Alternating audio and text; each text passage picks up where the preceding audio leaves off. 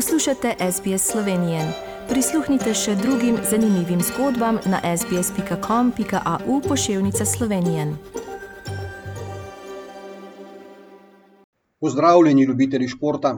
Napovedovali smo vročih 14 dni slovenskega športa in jih tudi dobili.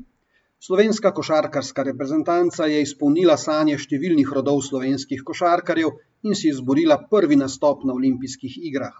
Na kvalifikacijskem turnirju v Litvi je našim uspelo premagati vse sodelujoče reprezentance, predvsem pa favorita domačo reprezentanco Litve, v kateri igrata dva izjemna NBA igralca, Valčiunas in Sabonis.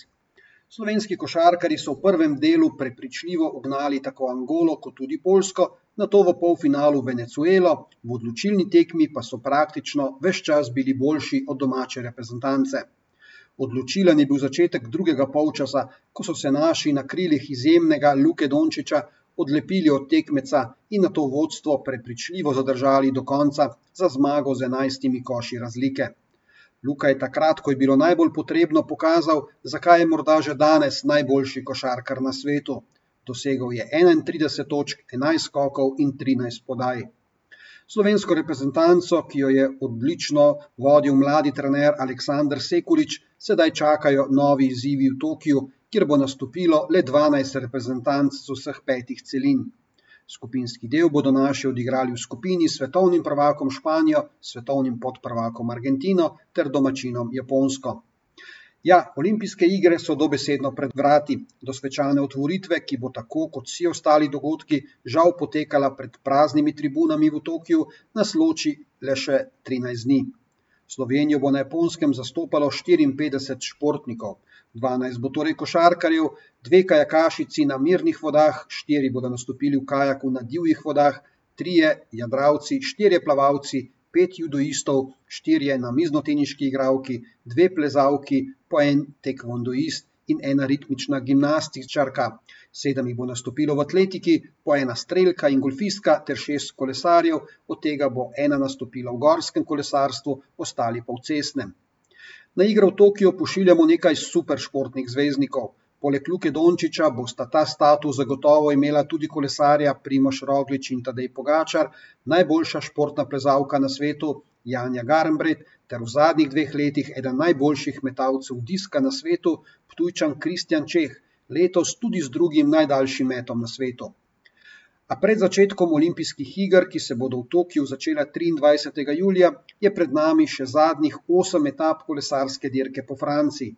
Tudi tokrat je ta v znamenju Tadeja Pogačarja, ki je trenutno prepričljivo v rumeni majici s kar petimi minutami prednosti pred najbližjim zasledovalcem. Žal pa se je dirka že končala za drugega našega junaka Primoža Rogliča. Dirko je nesrečno začel in v tretji etapi kar dvakrat grdo padel. Drugi padec je bil tako hud, da dolgo časa ni bilo jasno, ali bo takrat dirko sploh lahko nadaljeval.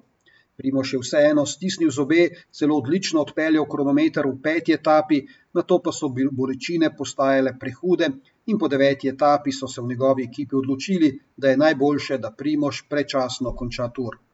Tudi zato, da se bo lahko pozdravil in pripravil na olimpijsko preizkušnjo. A Slovenija ima na dirki tudi tretjega junaka. To je Matej Mohorič, letošnji državni prvak v cestni vožnji, ki je zmagal najdaljšo sedmo etapo letošnjega tura. Matej je tako postal eden od 102 kolesarjev v vsej zgodovini, ki imajo posamične etapne zmage vseh treh največjih kolesarskih dirk na svetu: Tour de France, Giro d'Italia in Španske Vuelte. Prav na vseh treh je zmagal najdaljše etape. Toliko v zadnjem pregledu športnega dogajanja pred začetkom športnega vrhunca leta 2021. Držimo pesti, da bodo tako kot doslej slovenski športniki uspešno zastopali našo državo in vse nas naredili še bolj ponosne. Do naslednjič vas pozdravljam, Tomaš Ambrožič. Všečkaj, deli, komentiraj. Spremljaj SBS Slovenijo na Facebooku.